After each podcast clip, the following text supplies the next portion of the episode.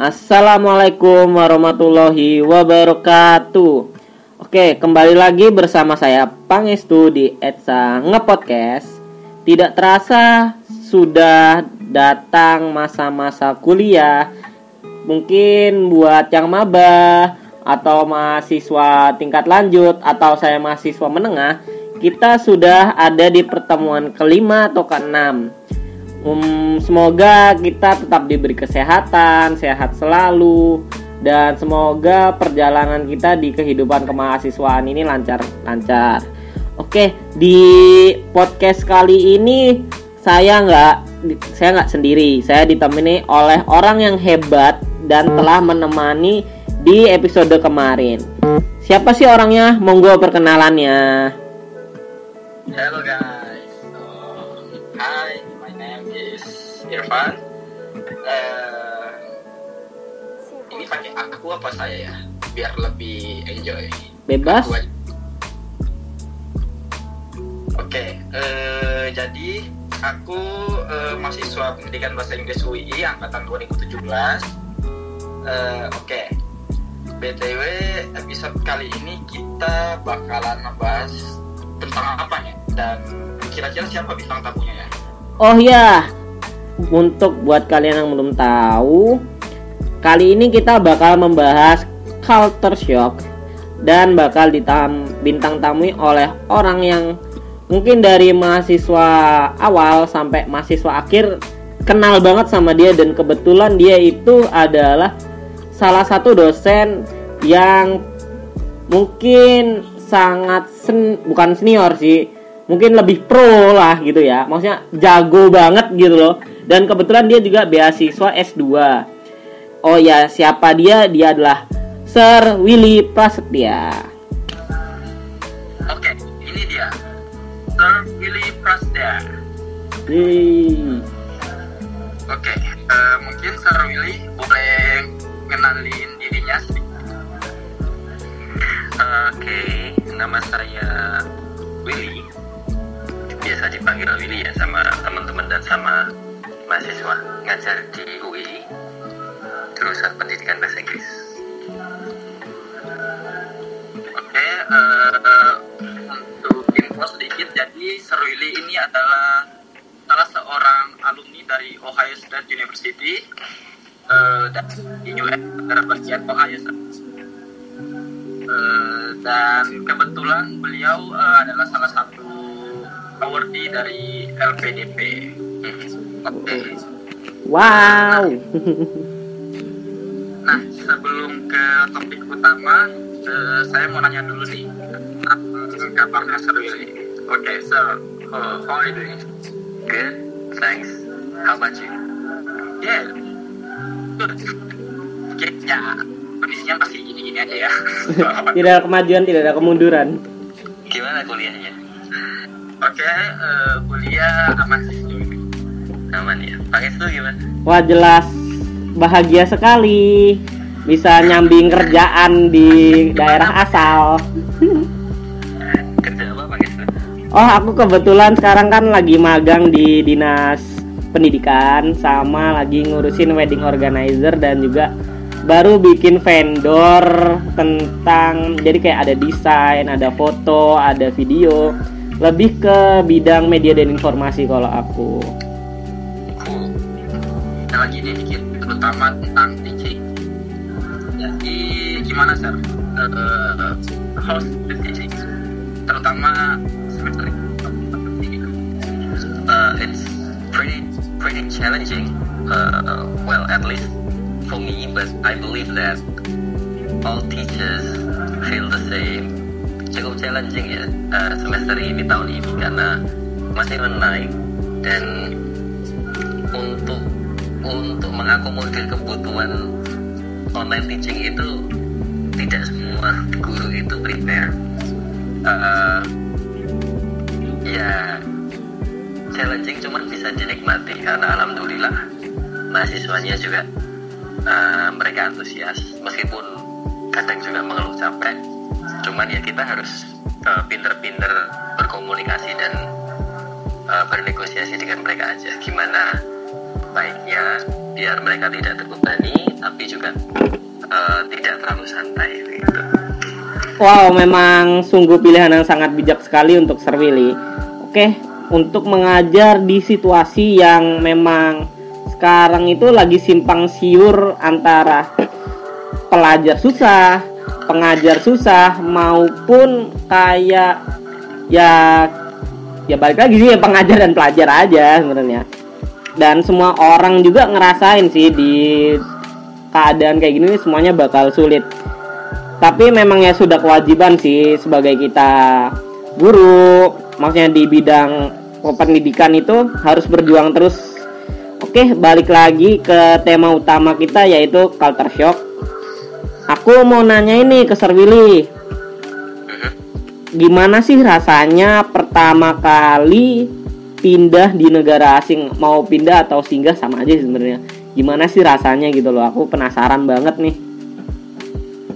Wah rasanya campur aduk ya jadi antara seneng ya sedih ya senangnya itu karena uh, ya siapa yang nggak senang sih kalau ke ke waktu itu saya ke US ya.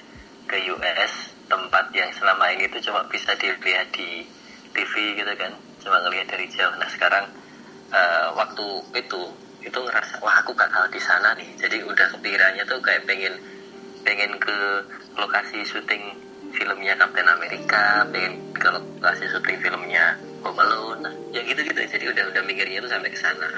Itu waktu belum berangkat ya. Jadi udah excited banget. Cuman ketika udah di bandara kemudian berpisah sama keluarga itu kan nah di situlah kerasa sedih banget. Kayak ini bakal bakal tinggal keluarga dua tahun. Apalagi kan di sana jauh ya nggak bisa gampang pulang ke Indonesia. Kalau sekali pulang itu tiketnya bisa dapat motor satu kalau diberikan motor di sini gitu kan. Jadi udah udah udah udah fixed feeling lah. Perasaannya campur aduk. Apalagi waktu di dalam pesawat gitu kan. Di dalam pesawat itu kan uh, karena aja duduk diam gitu jadi pikirannya tuh ke mana-mana. Mikir rumah mikir mikir keluarga mikir temen gitu kan. Jadi udah kebayang-bayang aja nih kangen kangennya tuh udah mulai ketika di dalam pesawat itu. Ya memang uh, awal-awal sampai di sana itu masih terasa homesick ya. Karena ya adjustment lah kita kita perlu beradaptasi cuman memang waktu itu prosesnya tidak tidak terlalu lama karena kebetulan ketika sampai di sana udah udah udah sempat kontak-kontakan kan sama orang sana itu ada ada teman dari Indonesia juga. Jadi uh, ya transisinya tidak terlalu lama. Karena begitu sampai sana udah ada yang nyambut ada yang uh, apa jemput ke bandara waktu itu kan. Udah apa udah udah semuanya sudah siap lah. Kan kan udah di kontak sejak awal memang awal-awal di minggu-minggu pertama ya? Khususnya di dua minggu pertama itu masih masih keinget rumah. Cuman uh, ya dipakai jalan aja gitu. Entah, entah jalan ke supermarket entah belanja entah ya strolling around campus ngambil-ngambil gambar. Karena kan kalau pertama kali di tempat baru kan suka banget ngambil gambar gitu kan. Ya gitu-gitu aja. Lama-lama juga udah terbiasa. Ya ya mixed feeling sih yang dirasakan. Cuman ya yang penting kalau udah sampai sana udah kita kita nikmati aja momennya gitu. Tapi banyak banget sekali nggak banyak kenangan banget nggak sih ser waktu pertama kali pindah ke sana tuh? Kayak yang sampai sekarang tuh masih diingat gitu loh. Ada nggak sih sesuatu yang masih apa ya ngakar di dalam hati gitu loh? Uh, jadi waktu itu nyampe nya winter ya. Ya. Apalagi kalau kalau winter kan suasananya tuh melo banget gitu. Jadi nyampe sana jam jam sebelas. Itu pakai pakai drama itu sih koper hilang. Jadi nyampe sana tuh koper hilang baju di dalam situ semua. Jadi uh, waktu itu jemput diantar ke semacam supermarket gitu kan untuk belanja belanja keperluan. Yang harus harus banget beli kan itu pakaian pakaian dalam ya. Jadi itu langsung beli pakaian dalam sama beli air minum yang masih kebayang itu suasana dari bandara ke apartemen. Itu tuh jalannya jalannya itu uh, jalannya masih belum bersalju tapi ada kendaraan yang kayak naburin sesuatu gitu. Kaget waktu itu kalau tahu oh ternyata itu yang ditaburin garam gitu. Nah, nah dari situ eh, apa mulai perasaan takjub itu garam kok disebar-sebar di jalan gitu. Ternyata itu biar eh, saljunya nggak mengeras biar nggak licin gitu. Terus waktu pertama masuk ke apartemen gitu rasanya kayak hampa banget karena kan belum ada isinya cuma kasur sama meja gitu. Jadinya eh, apa ya ngerasa sepi. Apalagi kan eh, waktu itu bener-bener kosong.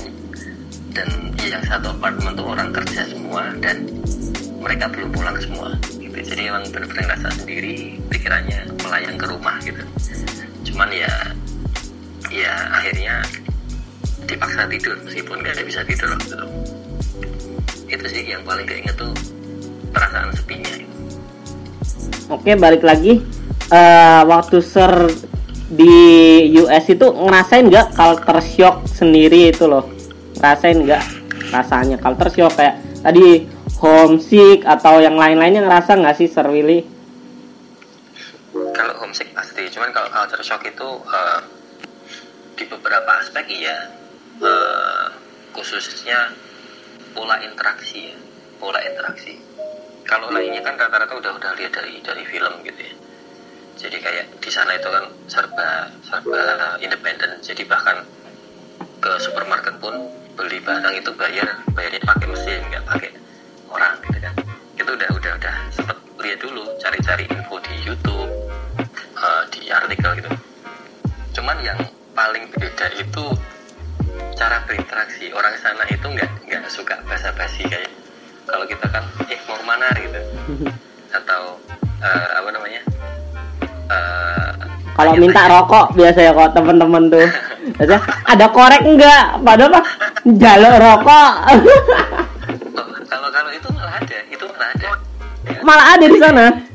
kayak orang-orang yang nunggu bis gitu kan dia dia punya punya punya ya dia, dia merokok lah gitu. Hmm. tapi biasanya gelandangan gitu kan dia pasti nanya punya rokok nggak? gitu. Atau punya receh nggak? gitu. Nah jadi di sana orang-orangnya kayak gitu kalau yang gelandangan gelandangan gitu. Iya, iya. cuman kalau bahasa basinya sana tuh ya paling cuma yang udah kenal dan itu cuma hi aja nggak nggak pakai nanya mau ke mana? Atau eh bapak ibu gimana? Gitu nggak ada. Dan orang sana tuh nggak banyak senyum. Karena kalau pernah waktu itu di waktu cari apartemen baru itu kan ada teman itu dia senyum senyum terus gitu kan. Sama sama yang ngurus apartemen itu di, dimarahin kamu kenapa kok senyum senyum kamu tertawain aku ya gitu. Jadi kayak gitu. Mereka mereka nggak nggak nggak terlalu banyak senyum orangnya Eh, kalau yang itu ya kalau yang belum kenal ya. Jadi ya mereka itu kalau eh, nggak kenal ya udah urus urusi urusan masing-masing. Kalaupun kenal tapi nggak deket ya sapa aja gitu sapa biasa.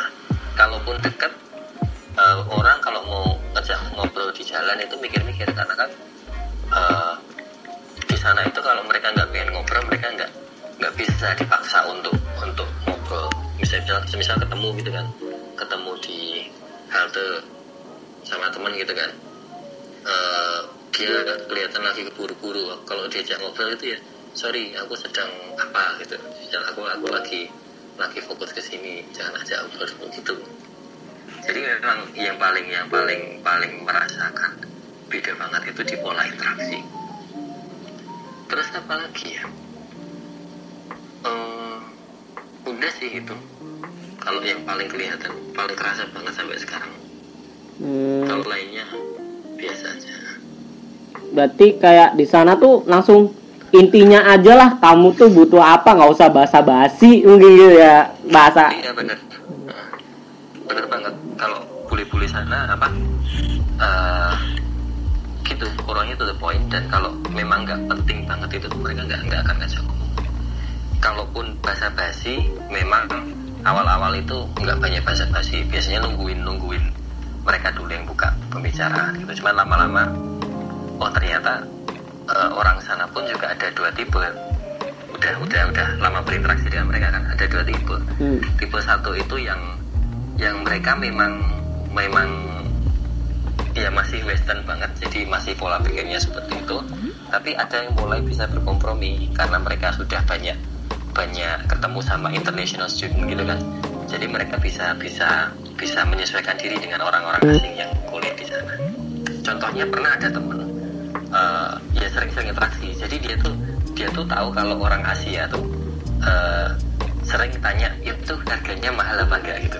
Nah jadi waktu itu saya pernah pernah pakai sesuatu yang baru gitu kan. Uh, tas kalau nggak salah. Dia dia bilang wah tasmu bagus ya gitu ini beli di mana harganya mahal gak gitu nah dia nanya-nanya gitu itu kan Asia banget sebenarnya Iya, iya. Nah, itu karena dia udah udah sering interaksi sama uh, orang-orang asing yang kuliah di sana. Cuma ada juga tipe-tipe yang uh, nggak peduli, bukan urusan dia dia nggak nggak nggak apa nggak pedulikan. Yo itu orang-orang yang biasanya jarang interaksi sama orang asing. Saya pernah itu waktu di subway itu kan, di subway orang-orang itu cenderung mereka tuh toleransinya lebih lebih sedikit daripada yang udah sering interaksi sama orang asing. Di subway pesan makanan kan mereka ngomongnya cepet banget. Ngomong dia tuh ngomongnya cepet banget gitu kan. Eh, karena saya nggak paham saya minta diulang sorry can you repeat that once more? gitu. Dia tuh mukanya kelihatan sebel banget gitu. Nah jadi itu itu orang-orang yang memang jarang interaksi sama orang asing. Begitu. Hmm. Memang sulit ya ternyata pindah di luar negeri. Aku kira seperti kehidupan-hidupan di dalam film gitu, menjalani lurus saja ternyata jalannya berbelok-belok. Tidak semudah ekspektasi. iya soalnya beda-beda culture kan pastinya Iya. Oke balik lagi nih sir, aku mau ngasih pertanyaan yang terakhir.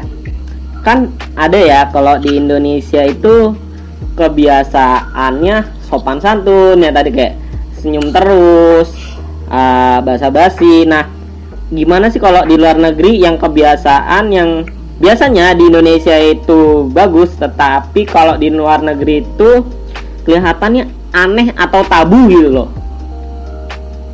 Eh, bahasa basi itu yang paling paling kelihatan bahasa basi yang nggak penting kayak mau ke mana gitu atau lagi apa kayak gitu. Itu itu nggak nggak nggak oke banget lah di sana. Tapi kalau menyapa kalau senyum itu masih oke. Apalagi kalau kalau sama yang udah kenal. Kalau nggak kenal pun eh, kadang oke kalau mereka liatin kita dulu. Tapi kalau kita yang tiba-tiba senyum gitu mending karena dikira dikira dikira kalau nggak orang gila ya orang yang mau berbuat buruk gitu.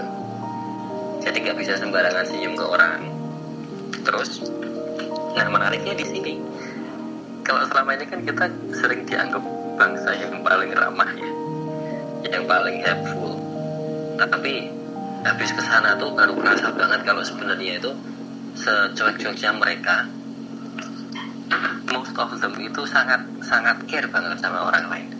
Jadi ini ini ini adabnya mereka ya. Kalau dia masuk pintu duluan dia akan megangin pintu itu buat kita itu satu. Terus eh, mereka kalau nyenggol orang atau mereka ngerasa ngalangin jalannya orang mereka bilang sorry. Jadi bilang sorry itu murah banget di sana kayak ngomong sorry gitu.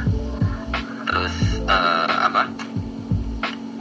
Selain itu ada lagi. Nah ini kalau kalau dia lihat kebanyakan orang ya kalau lihat orang mau foto tapi sendirian mereka akan nawarin bantuan. Sini tak fotoin gitu dan itu itu kejadian berkali-kali. Jadi nggak nggak cuma sekali dua kali saya ngalamin itu kan mau foto tapi kan karena nggak ada yang fotoin kan nggak selfie gitu. Dia nawarin sini tak fotoin gitu.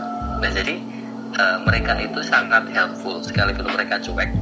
Tapi mostly mereka eh, dididik di sekolahnya itu dengan cara seperti itu. Begitu.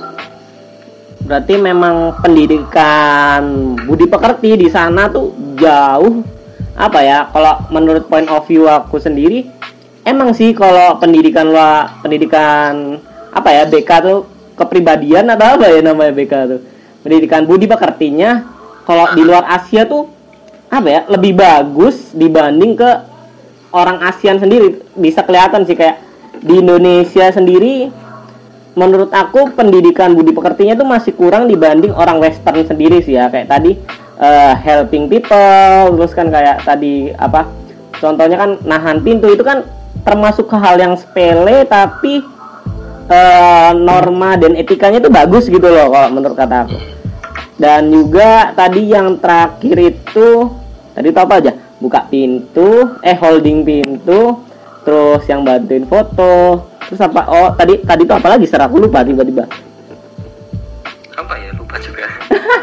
Apa, apa.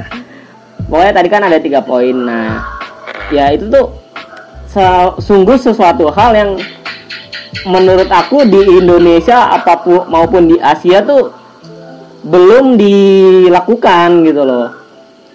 Memang bagus banget sih kalau misalkan di sudah diterapkan oleh kita sendiri. Jadi kita tuh jadilah eh, pemimpin bukan pengekor. Aduh kata-kataku bagus banget satu lagi sorry lupa. Apa itu? mereka itu eh, cuek ya sesuai cueknya mereka tapi kalau mereka memuji itu mereka eh, genuine gitu loh kayak mereka tuh sincere ketika mereka akan memuji Eh, dan mereka nggak ragu untuk memuji orang asing. Jadi ceritanya waktu itu waktu mau ke ke Rockefeller Building itu kan mau naik ke lantai atas eh, kita kita bertiga. Saya cowok satu sama cewek dua itu ada ada ibu-ibu paruh baya gitu bilang ke teman eh tasmu bagus ya gitu. Jadi mereka tuh kalau mereka suka mereka akan ungkapkan itu langsung secara spontan. Dan itu sincere bukan bukan pujian yang basa basi jadinya eh, waktu itu ngobrol dikit ngobrol dikit kayak oh iya itu kamu bikin sendiri gitu. Dia nanya gitu oh enggak ini yang bikin nenek saya wah hebat ya gitu. Jadi kayak, kayak, eh, ketika mereka berbahasa basi itu mereka memang sincere karena ingin memuji bukan bukan yang eh, apa memuji karena tujuan tertentu atau bahkan malah memuji untuk mengejek gitu. Jadi itu itu satu hal yang yang so far belum belum banyak ditemui di sini. Tapi kalau di sana sering kok kayak di halte halte bis gitu kan kayak kita pakai sesuatu yang unik gitu mereka mereka akan akan apa, memuji. Dan ya sering bilang it looks good on you atau you look you you look gorgeous with that gitu kayak gitu gitu gitu aja sih pertanyaan dari aku mungkin ada dari Bang Irfan mau nanya silahkan gantian hehe Hmm, ada sih beberapa pertanyaan. Eh, kalau aku sendiri sih penasaran tentang eh, bahasa sendiri ya. Nah, eh, walaupun sebelum Serwili berangkat ke US, kan Serwili pasti apa ya, took the IELTS ya. Mhm. Tapi apakah selama sana juga tetap eh, merasa kesusahan mengikuti bahasanya orang US sendiri? Atau gimana sih menurut Sarwili sendiri? mereka ngomongnya cepet. Cepet? Lebih cepet lebih cepet dari di TOEFL apalagi kalau orang-orang yang eh, apa jarang interaksi sama international student gitu kan. Mereka ngomongnya cepet-cepet. Kalau yang udah sering interaksi sama orang asing mereka bisa slow down tapi yang enggak itu cepet. Nah, itu yang yang paling challenging itu. Tapi kalau untuk untuk eh, bahasanya overall kalau kita bisa mudeng yang di film yang di lagu itu kita bisa mudeng apa yang mereka katakan. Cuman satu hal yang menarik itu eh, tiap tiap daerah itu punya punya kekhasannya sendiri sendiri jadi kalau selama ini kan kita belajar ada American accent ada British accent gitu kan. Nah di sana enggak. Di sana itu American accent itu banyak banget. Jadi Ohio kan Midwest ya. Orang Midwest itu beda dengan orang South, orang Selatan. Orang South pun yang misal di daerah Atlanta dan di daerah Texas itu beda lagi. New York beda lagi. Nanti di California juga beda lagi. Jadi ada ada punya aksen sendiri-sendiri yang sangat spesifik. Bahkan ada ada slang-slang tertentu yang cuma berlaku di satu daerah. Misal kalau di daerah lain itu disebutnya soda gitu kan. Kalau kalau di Ohio orang nyebutnya itu pop, T-O-P. Pop itu loh, pop gitu. Jadi kalau kalau ada orang ngomong pop, oh berarti kamu orang Ohio gitu. Jadi emang emang apa ya?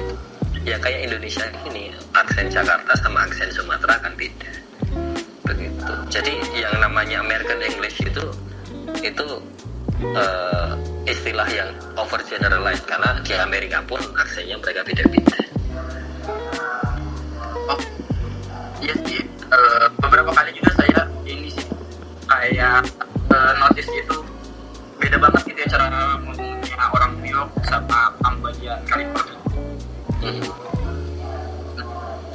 Uh, terlepas dari bahasa, ada lagi nih penasaran bikin apa ya penasaran banget. Uh, budaya kan udah pasti beda nih kita, itu jelas beda. Kira-kira kebiasaan apa sih yang sering dibawa dari US ke Indonesia? Yang maksudnya masih apa ya masih sering dipakai sampai sekarang? yang masih sering dipakai sampai sekarang itu yang pasti on time ya. Tetap berusaha on time ya meskipun kadang-kadang telat dikit gitu. Cuman cuman uh, daripada sebelum ke US itu dulu saya sering molor gitu kan. Cuman habis habis kuliah dari sana ke bawah itu on time. Jadi uh, apa namanya? Jadi on time atau kalaupun telat itu tuh berusaha untuk konfirmasi dulu. Jadi orang sana juga ada yang telat gitu tapi kalau mereka telat itu pasti ngabarin dulu. Kalau dulu kan dulu sempat ngajar kan sebelum berangkat ke sana. Kalau telat ya udah telat saja gitu. Cuman kalau setelah dari sana ngerasa oh ternyata kalaupun telat kita harus adabnya itu harus bilang ke yang nungguin dulu biar mereka tuh nggak nggak wondering yang aneh-aneh gitu. Terus uh, apa lagi ya? Uh, selain being on time itu juga uh, susah sih. Ya dilakuin tapi tuh untuk dikatakan susah itu apa ya? Oh iya. Uh, straight to the point kalau ngomong. Kalau kalau orang sini kan biasanya muter-muter gitu kan. Uh, tapi kalau orang sana nggak suka muter-muter. Jadi kalau ngomong ya poinmu apa sampai kan? Nah itu itu bisa positif bisa negatif. Kalau di sini ya memang masih masih ke bawah sampai sekarang. Cuman kadang-kadang uh, kerasa banget kalau ngomong terlalu straight to the point itu orang Indonesia nggak semuanya siap. Kadang ada yang merasa ini apa sih kok tiba-tiba gini? Jadinya kan aneh gitu.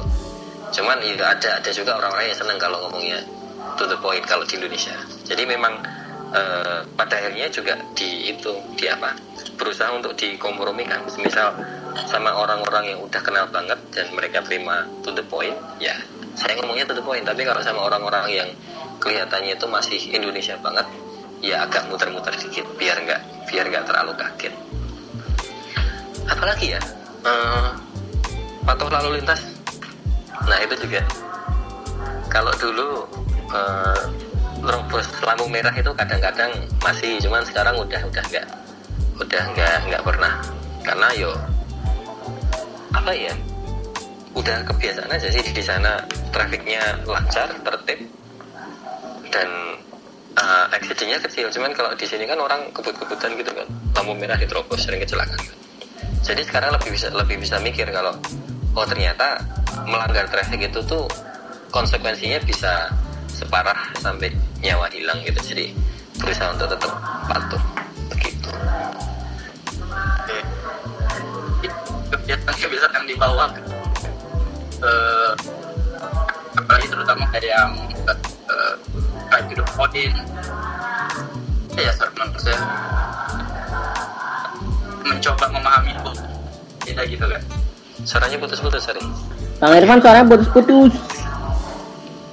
Jelas nggak? Jelas jelas. Ini jelas ya. Oke. Okay. ini kamu oke uh, keren sih. Kebiasaan-kebiasaan yang dibawa ke Indo. Apalagi uh, Serwili sendiri. Mungkin uh, seperti is, apa ya studi di sana itu lebih lebih bijak kali ya pas pulang ke Indo gitu.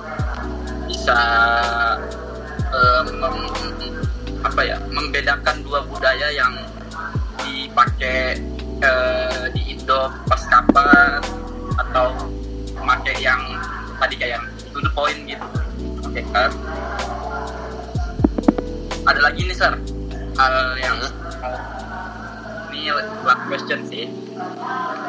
Uh, menurut Sir Willy sendiri bagaimana tanggapan orang asing terhadap budaya yang dimiliki selama di US uh, macam-macam sih ya cuman yang yang paling sering dilihatkan itu tanggapan sama sifatnya kesenian atau budaya material kayak kerajinan gitu. Jadi mereka mereka seneng kalau sama kerajinannya Asia terutama Indonesia. Kan unik di sana nggak ada gitu. Kita punya batik kita punya tarian macam-macam. Jadi kalau kalau ada acara acara show orang Indonesia itu ramai mereka seneng. Makanan pun juga di sana laris. Kayak orang bikin apa? Mie ayam bikin sate bikin rendang gitu. Itu itu orang-orang sana seneng. Yang penting nggak pedes itu aja. Mereka nggak suka pedes. Makanannya mereka seneng keseniannya juga seneng. Saya waktu itu anu apa? Pada pada seneng waktu kita orang Indonesia pakai batik gitu. Baju bagus ya gitu sampai saya kan itu bawa beberapa batik tak kasihin ke teman-teman yang di sana. Itu pada seneng uh, sama motif batik. Kebanyakan lebih ke budaya itu sih. Cuman kalau untuk soal untuk soal uh, attitude perilaku dan macam-macam itu mereka nggak nggak akan bilang. Kecuali kalau emang ditanya. Jadi dengan dengan attitude-nya orang Asia kebanyakan atau uh, orang Indonesia gitu mereka rata-rata jawabannya normatif sih. Kayak ya karena karena beda beda budaya beda negara jadi mereka bisa memaklumi rata-rata itu.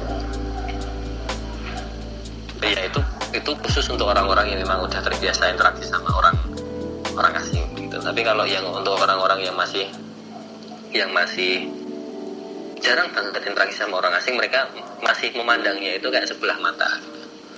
karena kan beda banget. Kayak yang orang orang sana tertib orang kita nggak tertib itu ya jadi kadang-kadang ya ada yang nyinyir juga gitu. Cuman yo itu nggak nggak banyak. Oke. Okay. really oh iya satu, satu lagi. Saya sampai sampai lupa. Tadi kan culture shock ya? Ya nah yang perlu diwaspadai itu sebenarnya malah reverse culture shocknya. Misal reverse culture shock itu kita udah lama di sana terus balik ke Indonesia gitu kan. Jadinya itu yo kalau kalau pada tahapan tahapan wajar itu paling rasa sebelah aja sama ini apaan sih orang pada nggak uh, patuh rambu lalu lintas? Ini kok pada nggak bisa ngantri sih? Nah itu perasaan-perasaan itu tuh wajar kalau muncul. Cuman jadi tidak wajar itu ketika ada teman-teman yang mengalami reverse culture shock dan itu sampai bertahun-tahun itu juga ada. Jadi jadinya malah memandang rendah bangsa sendiri kayak orang Indonesia tuh nggak bisa ngantri banget sih nggak tahu tata krama atau aturan dilanggar ini mereka sekolah apa enggak ada yang kayak gitu sampai diupdate di di medsos gitu juga ada. Ya jadi nanti misal kalau teman-teman kalau teman-teman ada kesempatan buat ke sana ke luar negeri dan ketika pulang kalau muncul perasaan sebel sama negara sendiri itu wajar selama itu enggak enggak kemudian diterus-terusin sampai jadi parah gitu. Ya berusaha untuk adaptasi ulang lagi aja sih. Begitu. Oke jadi uh, ini apa yang penting kita harus lagi gitu sore ya? Harus apa sari jadi yang penting kita harus adaptasi lagi gitu ya? Ah gitu. Oke kayaknya keren banget deh insightnya. Dari seru ini lama kuliah di US nah kira-kira apanya ada pertanyaan lagi nggak? Kalau aku sih udah sih cukup aja tadi tiga. Oh tadi dari Bang Irfan udah cukup atau ada yang mau ditanyain lagi gitu? Ada yang perlu digali? That's all nggak ada lagi deh kayaknya. Oke. Okay. uh, eh, uh, eh, makasih nih buat Sir Willy tentang apa ya informasinya uh, kebetulan kita udah ada di penghujung episode podcast kali ini yang utamanya membahas tentang culture culture shock ya. Nah, uh, kira-kira next episode kita bakal kedatangan siapa lagi nih? Pak menurut oh. kamu siapa? Oke, untuk episode selanjutnya kita bakal kedatangan teman seangkatan aku, angkatan 18. Tentu saja bakalan lebih asyik dan lebih menggali informasi untuk orangnya bakal kita rahasiakan tapi dia sangat berkompeten di bidang keagamaan dan ilmu research oke Mungkin segitu aja dari aku, dari Sir Willy dan dari Bang Irfan. Terima kasih telah mendengarkan Etsa Nge-Podcast. Keep stay tune dan dengerin episode-episode lainnya. Oke, bye-bye. Wassalamualaikum warahmatullahi wabarakatuh. Bye guys. Waalaikumsalam.